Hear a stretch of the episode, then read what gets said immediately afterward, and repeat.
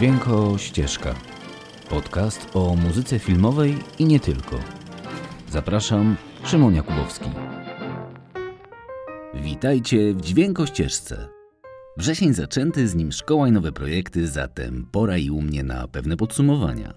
Bardzo chciałem Wam podziękować za to, że byliście ze mną przez ostatni rok. Bo tak, Dźwiękościeżka ma już okrągły rok. Dokładnie 12 miesięcy temu pojawił się pierwszy odcinek podcastu z muzyką Ennio Morricone z filmu Cinema Paradiso. I do dzisiejszego dnia powstało tych odcinków w sumie 36.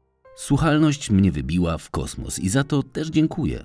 W końcu to kompletnie niezależny podcast, bez promocji w radiu i Facebooku, nieprowadzony przez celebrytę, nie ma tutaj gwiazd Instagrama, nie ma wywiadów z najgorętszymi nic o Brytami w danym miesiącu, jest tylko muzyka, garść faktów i szczera miłość do kina. Dlatego raz jeszcze dziękuję, że jesteście, że słuchacie i mam nadzieję, że z przyjemnością wracacie do kolejnych odcinków. Zatem nie przedłużając, pora zacząć sezon drugi. Dźwiękościeżki podcastu o muzyce filmowej i nie tylko. A ten sezon rozpocznie muzyka z serialu telewizyjnego. A na początek wybrałem dla Was serial nie byle jaki, bo dziś o brytyjskiej produkcji z 1984 roku pod tytułem Robin Sherwood, w Polsce znanym po prostu pod tytułem Robin Hood. Klasyka lat 80. Kto pamięta? Ręka w górę. No, pewnie garstka. Ale ci, co pamiętają, będą pamiętać o nim całe życie.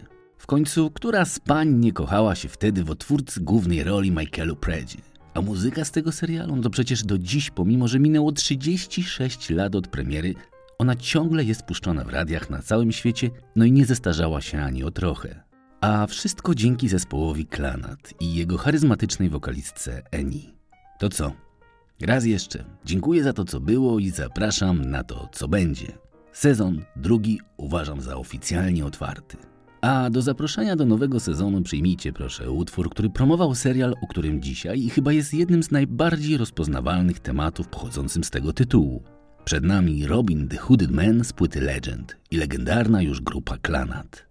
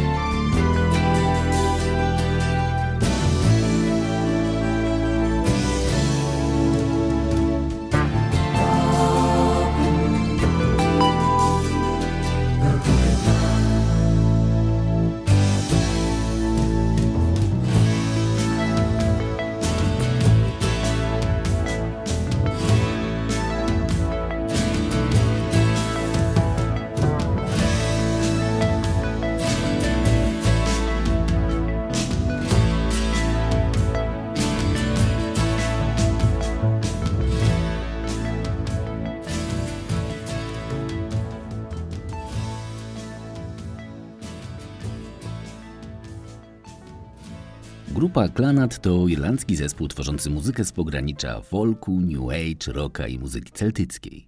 Nazwa Clanat pochodzi oczywiście z języka irlandzkiego, z wyrażania clan es do bar, to znaczy rodzina do bar. Ale skrócono ją, bo przecież nie każdy musi znać irlandzki. Początki zespołu to historia muzykalnej rodziny Brennanów. I jak to w Irlandii rzecz ma miejsce w wielu miastach, zaczęła się od rodzinnego pubu. Leo Brean miał pub i dziewięciu dzieciaków. Z tego trójka była naprawdę bardzo muzykalna.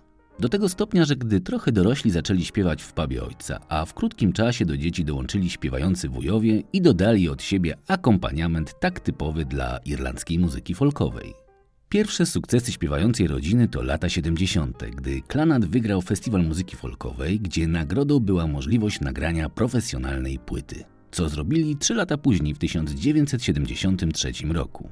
Jednak dopiero gdy do zespołu dołączyła kolejna z sióstr, 9 lat później młodziutka Ite, znana później jako Enia, zespół Klanat zaczął tak naprawdę swoją muzyczną podróż w stronę sukcesu międzynarodowego. Bo Enia to głos zwyczajnie wyjątkowy.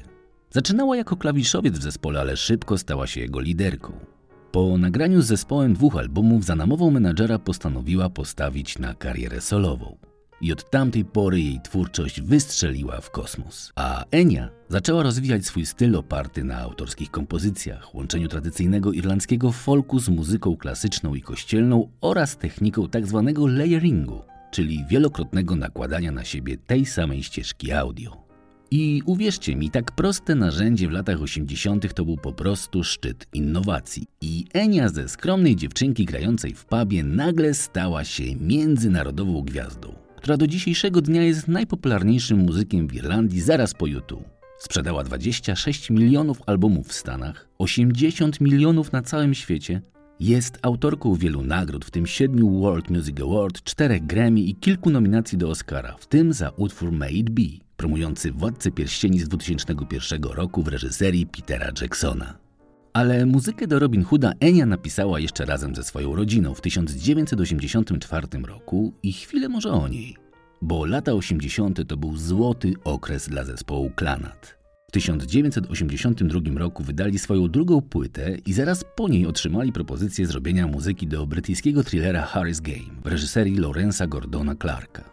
I muzyka do tego filmu to był po prostu majstersztyk. I mimo, że teksty piosenek napisane były oryginalnie w języku irlandzkim, główny temat z filmu trafił na szczyt brytyjskiej listy przebojów. Po nagraniu kolejnej płyty o grupę Klanat znowu upomnieli się filmowcy i w 1984 roku zostali oni zaproszeni do napisania muzyki do miniserialu, jakim początkowo miał być Robin Sherwood. I to był absolutny hit. Bo choć zespół początkowo miał tylko napisać muzykę do czołówki, jednak po obejrzeniu nakręconego materiału do pierwszego odcinka i przeczytaniu dostępnej części scenariuszy, członkowie zespołu uznali, że chcą, by ich muzyka towarzyszyła całemu filmowi.